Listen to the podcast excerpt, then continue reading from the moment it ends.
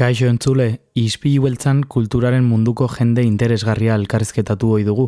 Jarraian entzungo duzuna, Rosa Montero idazleari egindako elkarrizketa da. Reprimimos de tal manera lo que nos hace diferentes de esa normalidad falsa y fingida ¿no? y obligatoria. Y lo reprimimos de manera defensiva, con, con unas herramientas tan eficaces desde la infancia, con razón, porque si tú llegas al colegio pareciendo muy distinto, los otros niños te brean, ¿no? Ispilu beltza, Donostiako kulturaren berri, eta Kristina Tapia buizirekin.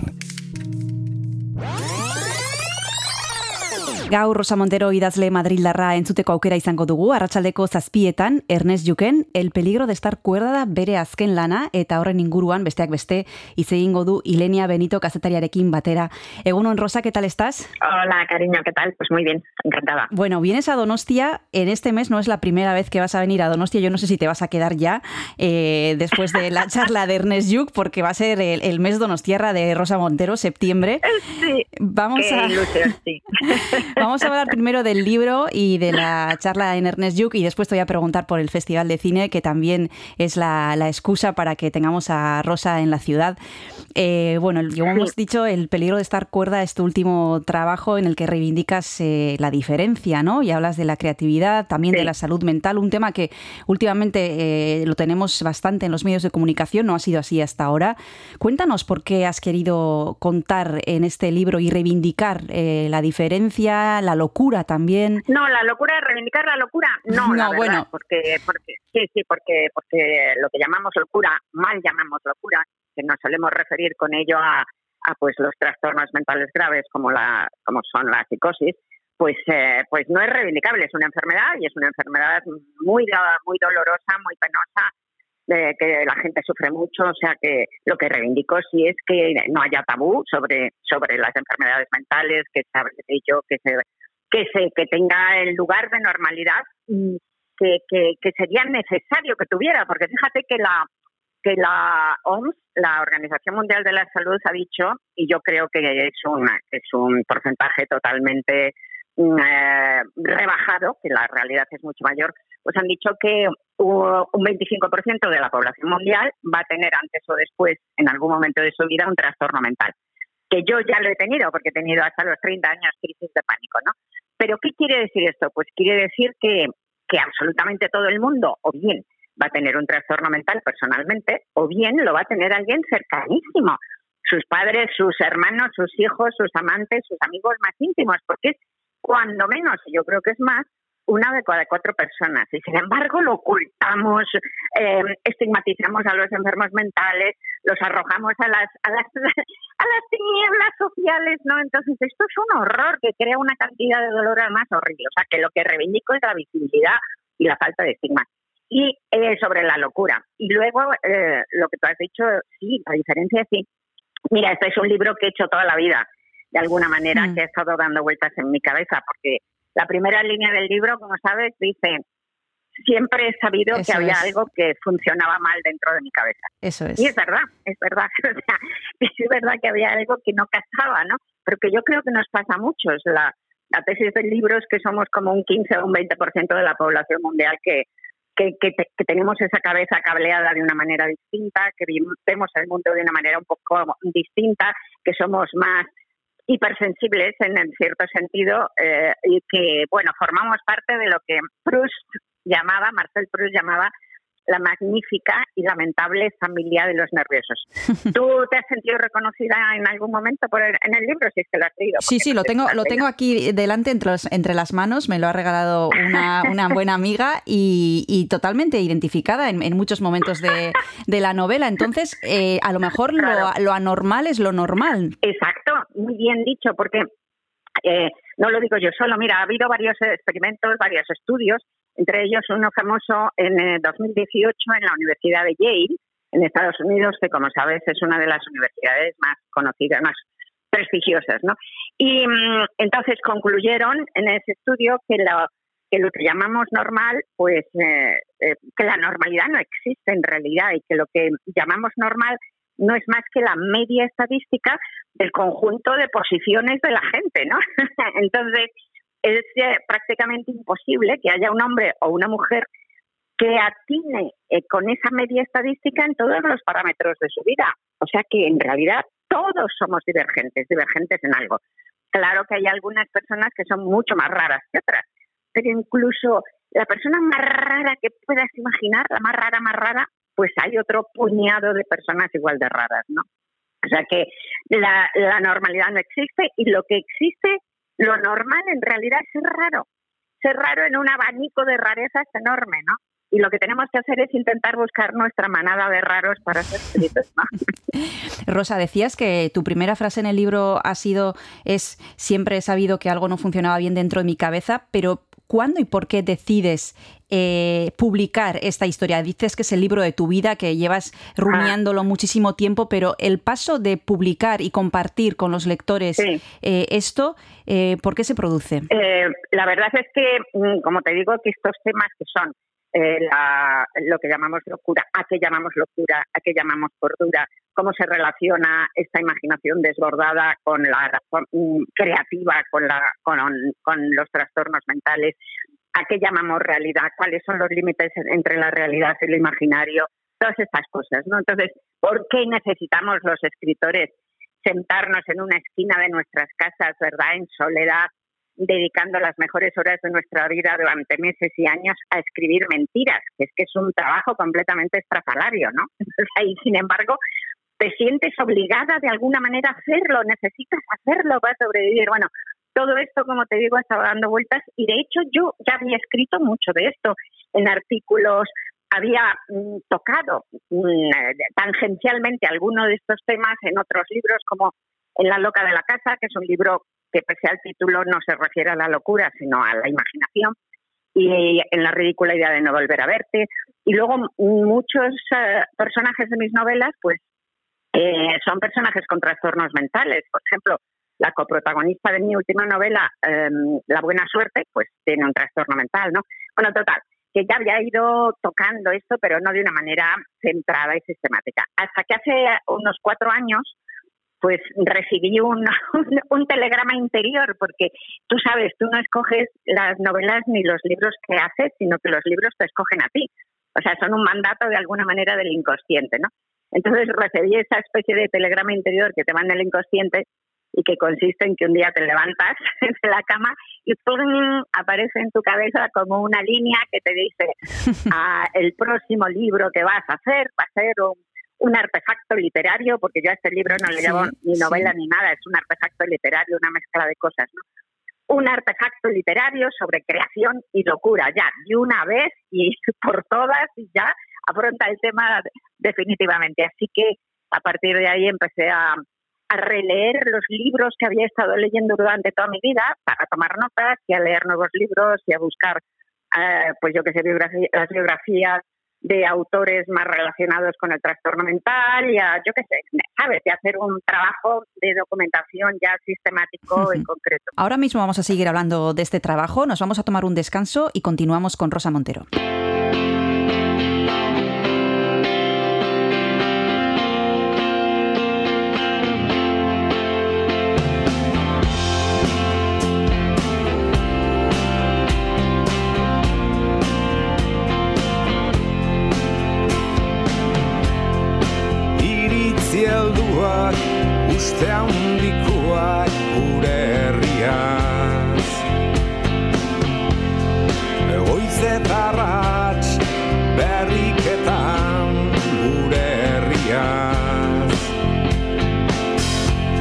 Nik enain ituzke alako segurtasunak eduki.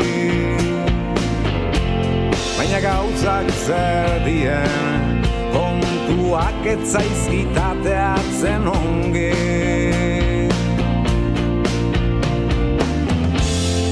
Hori suertia nunaikuak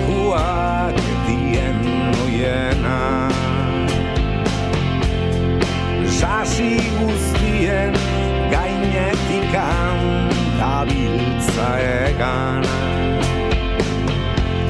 Inoketzi dan esana Euskaldun izatia zeinek ezadana Obenuela utatzia Munduko iritarri zatia Kantu leunan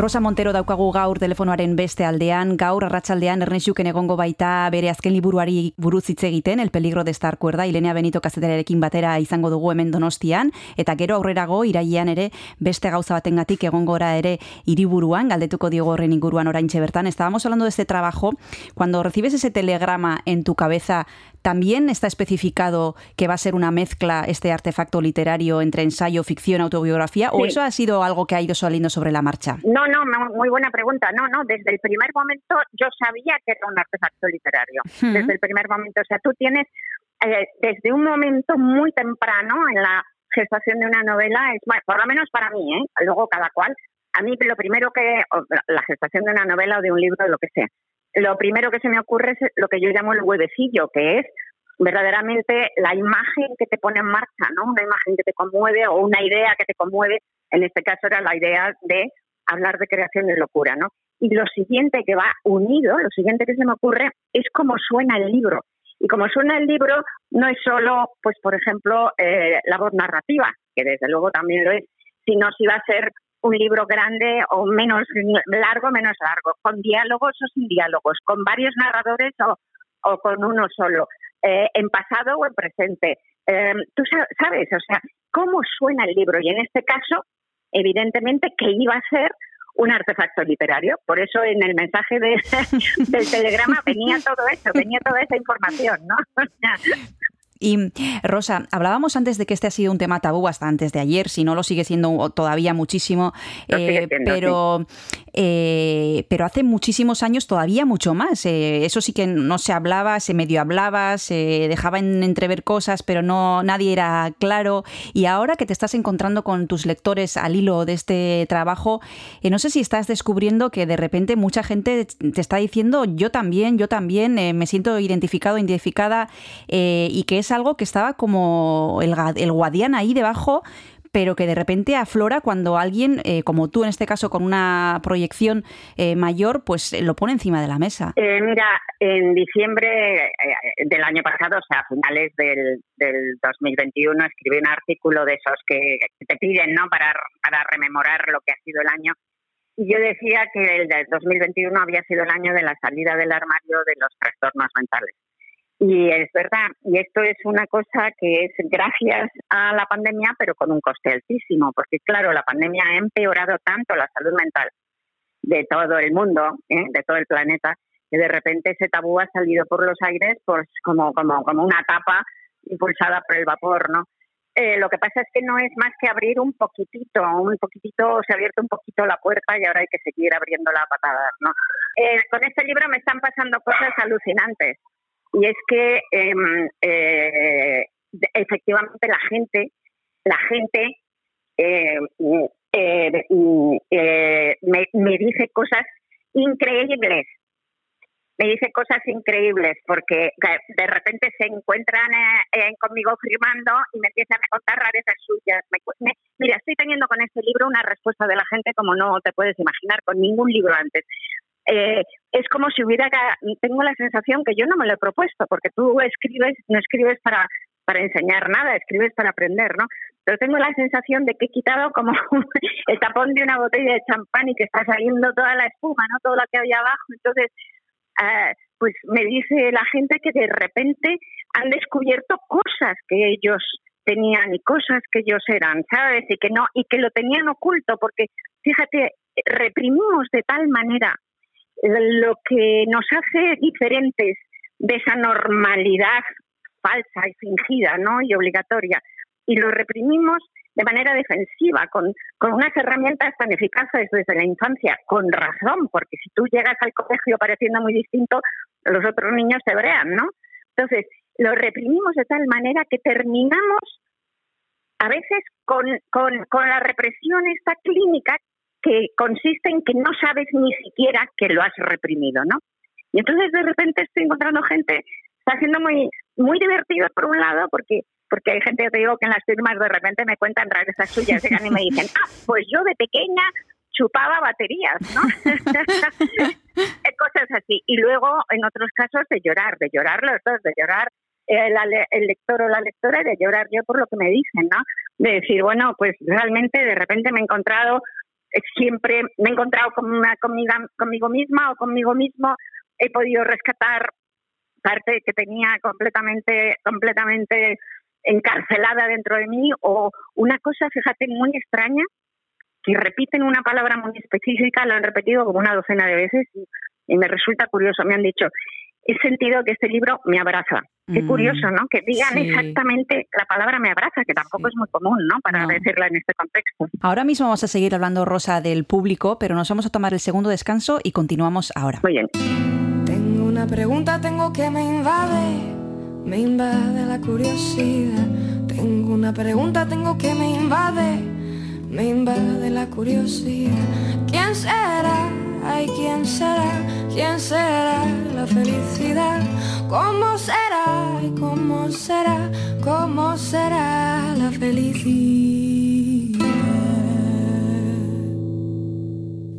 Pam para para para para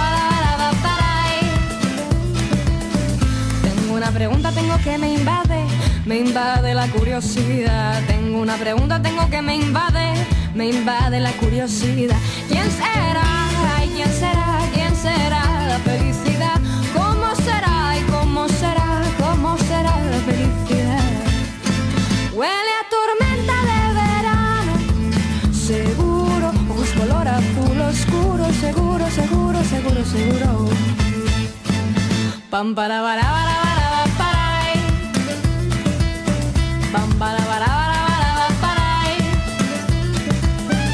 Hace un par de días la vi por la calle, por la calle la vi pasar. Hace un par de días la vi por la calle, por la calle la vi pasar. ¿Dónde irá? ¿dónde irá? ¿Dónde irá la felicidad?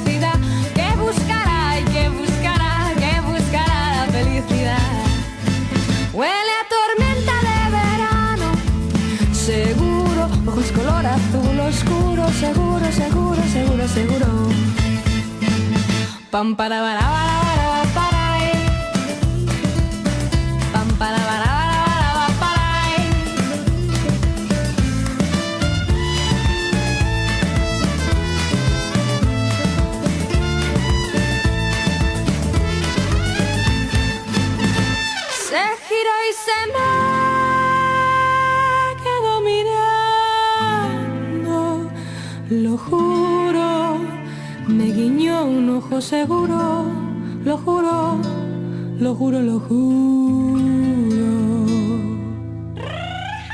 Pam para para para para para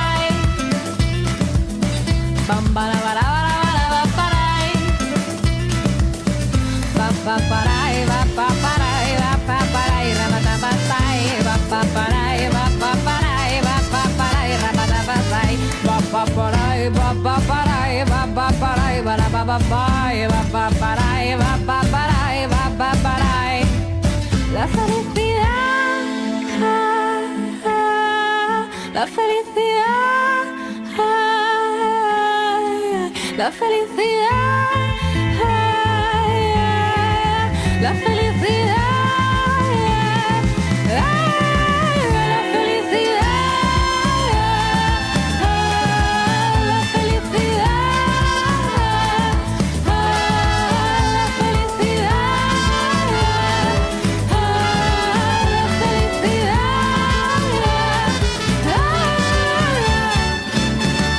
El peligro de estar cuerda da Rosa Montero idatzi duen azkeneko liburua gaur arratsaldean arratsaldeko zazpietan hain zuzen ere Ernest Juken izango dugu idazle Madrildarra entzuteko aukera. Ilenia Benito kazetariarekin batera egongo dira biak eta ari ginen hitz egiten bere azken lan honen inguruan. Estábamos hablando de los lectores, de las lectoras y mm, el libro que tengo aquí entre manos, como te he dicho antes, me lo ha regalado una de mis mejores amigos que es fan tuya y dice en ese sentido, como decías tú ahora mismo, que este libro les abraza a mí ella me dice que escucharte y leerte le da vida. Em, Qué bonito. Supongo que estás acostumbrada a escuchar cosas así, pero no sé si uno se acostumbra del todo tampoco. No, no estoy acostumbrada y además estoy enormemente agradecida siempre, porque mira, la lectura es algo absolutamente activo que uno hace, ¿sabes? Y cuando lees, completas el libro. En realidad, leer, reescribes el libro con la persona que, que lo ha escrito, ¿no? Así que cuando me dicen esas cosas tan hermosas, pues en parte mm, me siento orgullosa porque creo que algo, algo, algo he hecho, pero en parte me siento muy con una enorme gratitud porque me están dando eh, ese todo eso que dicen de pues bueno de, de yo qué sé de, de a lo mejor de la luz no o de lo que sea que les da el libro pues es que la ponen ellos sabes o sea que, en parte es un es una cosa dos. Mira a mí me ha bajado mucho la cresta la cresta de de, de, de sentirte así como yo que sé eh, pues eh, algo que me ha pasado pues varias veces cuando estás firmando, ¿no? Me ha pasado como tres o cuatro veces en mi vida, por lo menos, ¿no? Y entonces es que viene un lector o una lectora y te, y te dice, bueno, me encanta cómo escribes, porque además eres tan original, y además eres tan honesta, y además eres ta, ta, ta, ta, ta, ta, te cuenta un montón de cosas. Y ya al final de contarte un montón de, de, de elogios increíbles, dice, en definitiva, que tú y fulanito sois mis autores preferidos. Y a mí y a ti fulanito te parece un horror. te parece no solo malísimo, sino que además te parece nada original, completamente tópico y nada honesto, te parece que es un deshonesto o una deshonesta tremenda y tal. Entonces, no es que el lector sea idiota para nada, para nada, para nada, ni que no tenga criterio, para nada es que es lo que pasa lo que te decía antes, que al leer el libro lo completa con su propia sensibilidad, con su propia honestidad, con su propia con su propia eh, hambre de belleza, ¿sabes? Entonces le está otorgando a ese autor o a esa autora que a ti te horroriza, pues un montón de, de atributos que a lo mejor también te los está otorgando a ti, ¿sabes? Entonces hay que hay que ser agradecido a esa ya te digo, a ese plus que siempre te dan los lectores. Hablábamos de un tema tabú como es el de la salud mental, eh, otro, y, que está cambiando, por suerte, poco a poco, pero otro de los temas de los que tú has sido testigo del cambio ha sido eh, el de la mujer y el feminismo, otro tema que también abordas eh, en, varias cosas que, escribes, en, novelas, en artículos y demás. ¿Cómo ves este momento, Rosa? A veces nos parece que hayan cambiado mucho las cosas, otras veces sentimos que no es para tanto.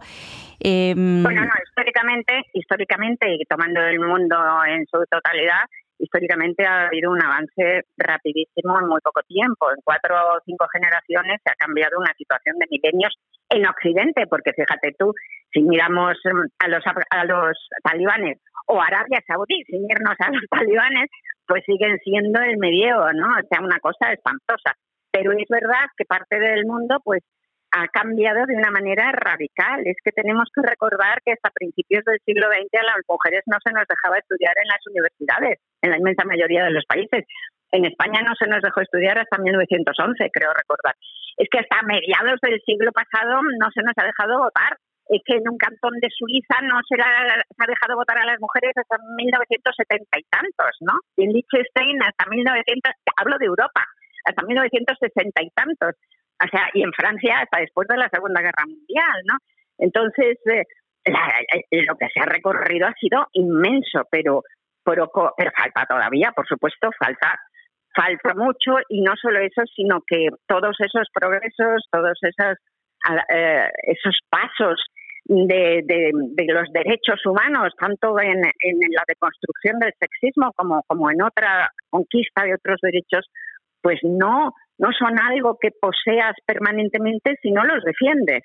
Y eso está claro, porque ahora mismo, porque ahora mismo en todo el mundo hay un viento no reaccionario tremendo y una pulsión y una una eh, yo qué sé y una y un y un extremismo y un fanatismo rampante eh, que, que, amenaza a todos los derechos estos conquistados durante tan duramente con tanto dolor durante durante tantos años. Así que eh, hay que vamos ni un, ni un paso atrás no hay que defenderse.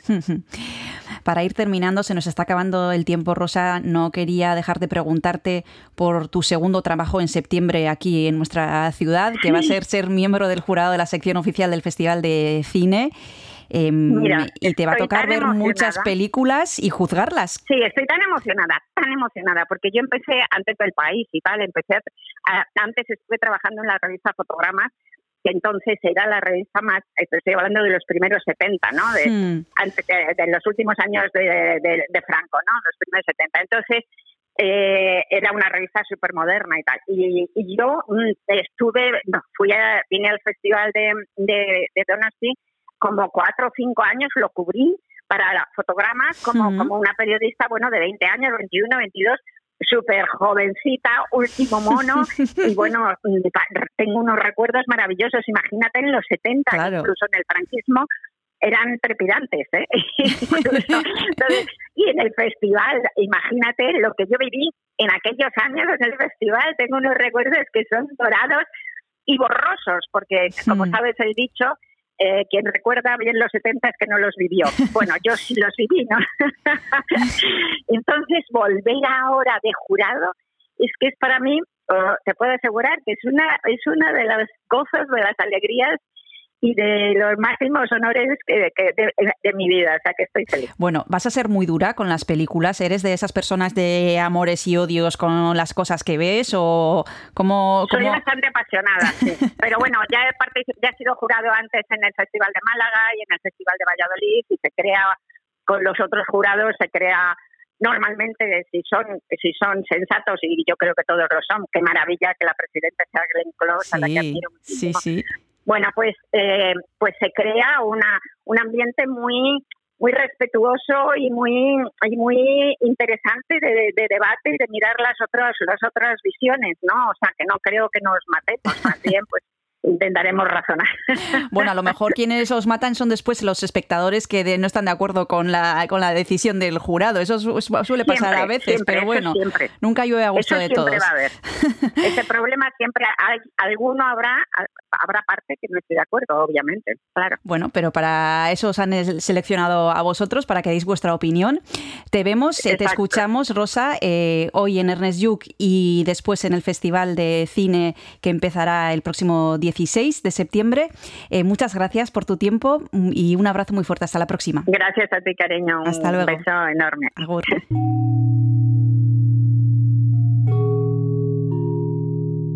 Gogoratu izpilu beltza edo zein audio plataformatan entzun dezakezula eta arpidetu zaitezkeela. Eta Kristinak eta nik eskertuko dizugula lagunekin partekatzen baldin baduzu. Agur.